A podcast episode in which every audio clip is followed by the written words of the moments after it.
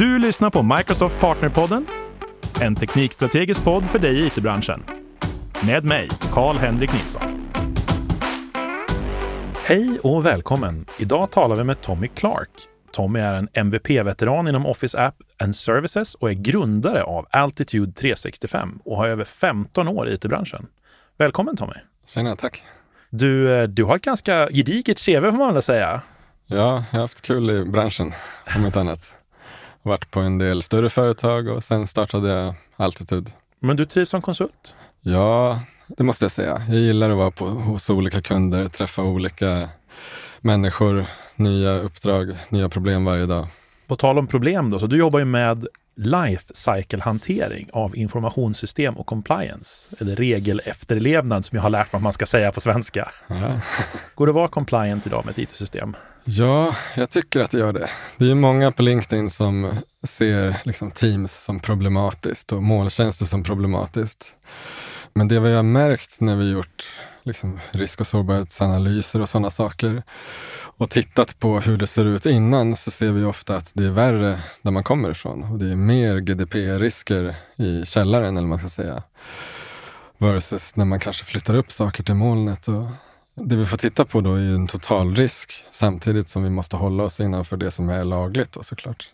Och vad menar vi med totalrisk då, om vi ska börja med att klargöra det? Liksom? När vi gör de här riskanalyserna så tittar vi på olika problem och sen så tittar vi på sannolikhet för dem och konsekvens för dem. Och lägger vi ihop alla de här olika liksom, riskerna som finns så kan vi få en totalrisk.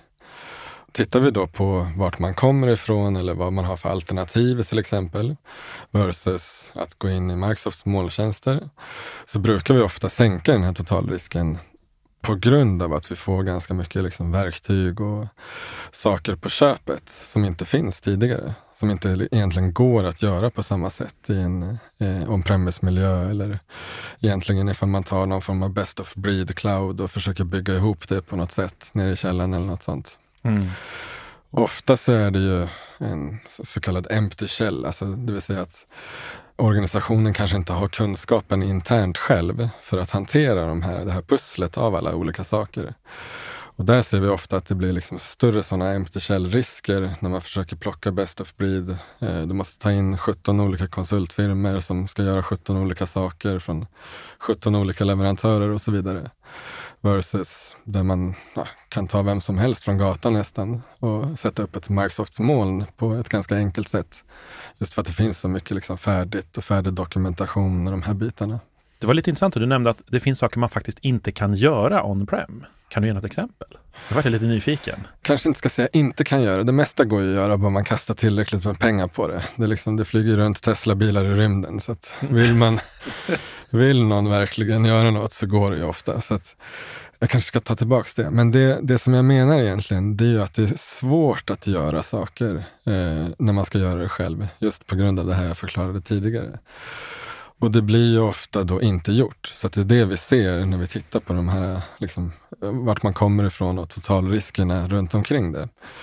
Och då kan vi se att så, om vi pratar GDPR så kanske det varit något GDPR-projekt för några år sedan och så tittar vi i en Excel-fil med risker och då har de identifierat massa saker som fortfarande finns kvar där som inte är lösta. Liksom. Vi pratade tidigare om ostrukturerad information om premise, att det är väldigt, väldigt svårt egentligen att ha koll på var informationen hamnar. Mm. Och här är ju kanske främst för offentlig verksamhet där vi innan GDPR så var inte ostrukturerad data med i vad man behövde liksom hantera. Men sen när GDPR kom så är det ju med som någonting som vi måste hantera. Och det som åker in i Microsoft 365 till exempel, OneDrive, SharePoint, Teams, e-post och det här, det är ju traditionellt sett ostrukturerad information. Men när vi liksom sätter upp 365 och gör de här sakerna som, som vi gör för att det ska bli så korrekt som möjligt, då blir ofta informationen strukturerad eftersom vi kan klassificera filer, vi kan klassificera teams, vi kan sätta labels på dem för att ja, få en form av struktur. Det i sin tur kan vi sedan skicka policies mot för ja, hur den här datan ska hanteras, om den ska få leva kvar under en kanske 13 månaders period eller om den ska tas bort efter fyra månader baserat på vilken då etikett man har satt på den där informationen. Så på det sättet så blir ju det, det som tidigare var ostrukturerat och ohanterat och som faktiskt inte kanske får ligga nere i källaren heller. Det blir ju strukturerat när vi flyttar upp den informationen och börjar ta hand om den. Och det är ju ganska intressant det här du säger med tagg, just möjligheten att tagga, för då får du ju alltså egentligen en regelefterlevnad direkt på taggen. Så fort du har klassificerat din data så påbörjas regelefterlevnaden. Precis. Plus att vi också ofta lägger på, baserat på vilken information det är, så lägger vi på olika former av kryptering. Och eh, i Microsofts världen så finns det egentligen tre olika former. Där eh, den mest avancerade DKE, den går ju att direkt mappa mot EDPBs use case eh, 1 egentligen, som på det sättet är en, en godkänd säkerhetsåtgärd för att hantera den sortens information. Men det är ganska många som säger att det är absolut förbjudet, att det inte går. Ja, men det som också är intressant i det här är ju att Nederländerna gjorde en, en DPIA som kom för ett tag sedan. Och i den så säger ju de också tydligt att det inte finns några höga risker och ifall man har då känslig information och lägger på den här DKN så minskar man då risken så att den inte blir hög där heller. Och de har ändå jobbat med den här DPN i egentligen ett års tid. De har gjort en djup analys och den är liksom grundligt genomgången på ett sätt som vi aldrig har sett tidigare, eh, publikt i alla fall. Det finns säkert organisationer som har gjort det här liksom själva men som inte släpper ut den lös. Mm. Svaret ifrån den att det faktiskt är en, enligt dem, en godkänd åtgärd. Då. Nu kanske jag är, jag är lite partisk och jag jobbar ju åt Microsoft och så vidare. Så att, men om jag försöker tolka det du säger, det låter ju på dig som att det finns betydligt större risker att försöka bygga det här själv on-prem än att faktiskt köra cloud. Ja, och eh, de organisationer som vi har tittat på som har kommit från någon form av best of breed ofta kanske större banker som har liksom tagit det bästa och ställt i varsitt hörn. Jag har aldrig sett någon som riktigt har fått ihop det här på riktigt. Utan det, de kan skryta med att de har den bästa lösningen för XYZ. Kanske enligt Gartner tidigare då. Men tittar vi på vad Gartner säger nu för tiden så ligger ju Microsoft som best of breed på, på nästan alla de här sakerna också. Skillnaden där är ju hur saker byggs ihop. Ställer du en sak i ett hörn, en annan i ett annat hörn det kanske är olika konsultbyråer som sätter upp de här åt dig. De har aldrig pratat med varandra, det är svårt med integration och sådana saker. Då blir det ju ganska svårt att, att hantera informationen oavsett om den ligger liksom i källaren, på filservrar eller på någon SharePoint on-prem eller något sånt där. Men det som är viktigt att tillägga då, det är att viss information ska vi inte lägga i molnet. Där funkar en hybridmiljö på ett jättebra sätt. Så till exempel sätter vi upp en hybrid SharePoint så kanske vi har viss information nere på den. Vi kanske har viss information nere på filserver fortfarande för att de inte, den sorten kanske inte passar i OneDrive eller sådana saker. Och sen så har vi ju saker i molnet också. Där går det att göra det där ganska snyggt för användarna med olika färgteman på SharePoint-sajterna till exempel. Så att vi har grön, gul, röd, lila eller svart eller något liknande. Och det lila och svarta är liksom, symboliserar att det är sajter som finns nere i källaren, on-prem, som är hanterade på det sättet. Försöker man spara en strikt konferentiell fil upp mot molnet så säger den stopp och då får man liksom byta sajt och lägga den där nere istället. Så jag tycker fokuset är på lite fel ställe ofta i debatten det går att bygga det här på ett sätt som, som gör att det är liksom lagligt och ändå användarvänligt också. För det missas ofta i debatten. Jag har följdfråga på det, men först måste jag säga, vilken fantastisk idé! Det är ju så genialt, eller så självklart egentligen, att man klarar ett, olika färgscheman så gör man det tydligt. Ja, eller hur? Det här är min on-prem och det här är min cloud. Liksom. Det funkar ju när vi kör bil. Ja! Ganska enkelt.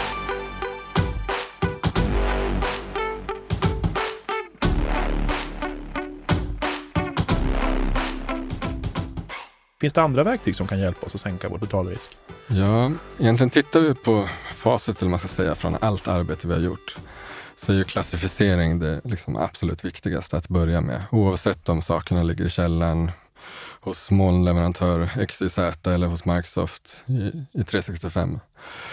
Och att just få koll på den biten och börja klassificera informationen är ju steg ett av. Därefter så vet vi då vad det är för sorts information och vi kan liksom börja mönsterigenkänna och använda liksom smarta regelverk för att hantera det där. Till exempel ifall det inte får lagras under en längre tid. ifall det inte får lagras i molnet med DLP-regler och sådana saker. Men sen så använder vi också mycket MCASen eller Defender for Cloud Apps till att bygga specifika regelverk som hjälper användarna. Så till exempel drag and droppar du en, en PowerPoint-fil ifrån ditt skrivbord in i din OneDrive som inte är klassad till exempel, så kan vi skicka ut ett mail som säger att den här filen måste du öppna och klassa eller vi kan göra liksom andra saker med den också. Men oftast försöker vi hjälpa till att göra rätt och försvåra att göra fel med de här regelverken. Inte så mycket liksom block eller ta bort saker. Det skulle vara jobbigt om någon drag and droppade hela sitt livsarbete och sen så bara tog vi bort det rakt av. Då får vi mer problem än vi skapar kanske. Ja, men det här känner jag igen från jobbet. Man lägger fel filer på fel ställen så får man ju direkt ett mejl. Hej, flytta på det här. Men återigen, gör det så enkelt för användarna. Grönt, gult, rött. Det ska liksom inte vara svårare än så. Tre, fyra knappar att trycka på. Du ska få hjälp att göra rätt hela tiden och bli mm. guidad åt rätt håll. Och det ska bli svårare att göra fel. För det här låter lite grann också, för det, och det är fler som jag pratar med som var inne på det här, men det är väldigt viktigt att man gör det just lätt för, för den mänskliga processen egentligen, för användarna. För annars kommer man få shadow IT och såna här grejer. Mm. Egentligen så kanske man gör shadow IT till något så jättestort, eh, svart och mörkt och dramatiskt. Men nästan vanligaste sättet att dela filer på som vi ser, det är att någon bara tar en fil, lägger ett mejl och skickar. Mm. Och sen så har vi noll kontroll på liksom vad det där mejlet tar vägen sen. Det kanske inte då är Shadow IT eftersom mailservern hanteras av IT. Men det är ju liksom ett jättestort svart hål på informationsläckage. Det där är ju också jätteintressant för tittar vi på vill de, eh, de liksom viterna eller böterna som har delats ut ifrån IMI till exempel, så har det ju aldrig kommit någon liksom, riktigt böter på att någon har gjort liksom, något schremsproblematiskt. Utan eh, Uppsala till exempel nu fick ju för att de hade läckt information via e-post och andra saker. Det finns ju lite sådana eh, GDPR fine trackers där man kan liksom se vad som har hänt i resten av Europa och det är likadant överallt. Liksom informationsläckage på det sättet. Det står ju också i IMEs årsrapport att det, liksom det största problemet är just informationsläckage via att eh, information skickas fel i e-post eller också i fysiska brev. Mm. Och det är ju det är sådana saker vi behöver liksom hjälpa till då att, att hantera och göra det lättare. Till exempel ifall någon drag and droppar en fil in i ett mejl så ska det komma upp ett mejltips som säger att du kanske borde dela den här filen istället. Mm. Eller på sidan 18 i den här excellen så finns det ett register med massa personuppgifter så du ska inte alls skicka den här. Och det är sådana saker vi bygger upp regler för. För annars tänker jag att det absolut svåraste som jag märker, jag ser att det är väldigt många som kanske sitter lite mitt i, alltså sådana som jobb, gör, utför jobben av mycket, som kanske laddar hem en app. De kör någon, någon enkel eh, to-do-tracker eller någon, en app som inte är godkänd av IT. Och så börjar man lägga in möte med Tommy Clark och så din mail, kanske ditt telefonnummer. Ganska fort så börjar man ju liksom lägga ut personuppgifter och grejer till andra människor Alltså det där är också spännande. Jag tror att tittar man på topp 10-listan över mest nedladdade Android-appar så är ju någon, eller förut var det i alla fall, någon av de här var ju typ en risk-dialer som kopierade hela din telefonbok. Och det finns en massa andra sådana dialers som också gör saker och kalenderappar och sånt. Så att det där är ju ett, ja, ingenting är ju gratis. Någon får ju pengar på något sätt och då får man börja klura liksom i hur ser deras affärsidé ut och varför, vad ska de med de här uppgifterna till? Samtidigt som vi då försöker bygga jätteavancerade regelverk på, på insidan så läcker liksom båten på andra sidan. Det är svårt att lösa. Det som blir viktigt i allt det här, det är att sätta upp det som ett program, inte som ett projekt, tror jag. Vi har gjort massor med små liksom, projekt och sen så när vi kommer tillbaka ett år senare så har det liksom stannat, där vi, ja, där vi stannade, där står de kvar. Och gör vi det mer som dataskyddsprogram där vi har återkommande aktiviteter och hela tiden liksom sätter upp en ettårsplan för vad vi ska lösa för någonting. Dels så mappar det mot hur egentligen IMI säger att vi ska arbeta med de här sakerna. Men det gör också att vi får liksom återkommande actions att hela tiden följa upp. Och eh, verktyget vi brukar använda då är ju Compliance Managern som egentligen följer med 365 också. Och sen så lägger vi till den här GDPR-kontrollerna och jobbar mot dem återkommande. Och det går inte att lösa allting på dag ett, utan det tar de lägst hängande frukterna först. börja med dem och sen så kanske en dag varannan vecka eller något liknande jobba med de här sakerna. Och sen jobba med allt annat de andra dagarna. Sen när det blir compliance friday igen så kör man compliance-saker. Och sen gör det under ett års tid. Då kommer det hända jättemycket. Låter som en fantastiskt bra idé. Vi ska börja runda av lite grann. Jag tänkte bara så här innan vi skiljs åt.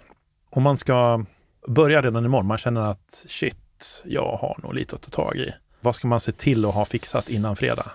Börja titta på eh, labeling och att sätta etiketter på, på informationen som vi nämnde tidigare. Tittar vi på vad IMI vill att vi ska göra så är det ett behandlingsregister, att börja dokumentera behandlingarna. Det är ju både en teknisk sak att liksom börja konfigurera eh, tekniken för att kunna sätta labels, men det är också jättemycket människa som ska liksom förstå vilken knapp man ska trycka på. Och samtidigt det här artikel 30-registret eller behandlingsregistret är ju en, en process och att vi måste börja dokumentera saker. Det är väl egentligen de två sakerna behöver göras parallellt under en tid framåt. Det är vad jag skulle titta på. Du, jättestort tack för att du kom hit och delade med dig av dina erfarenheter och din kunskap idag. Ja, tack själv. Du har lyssnat på Microsoft Partnerpodden med mig, Karl-Henrik Nilsson. Som vanligt hittar du information och resurser på aka.ms partnerpodden.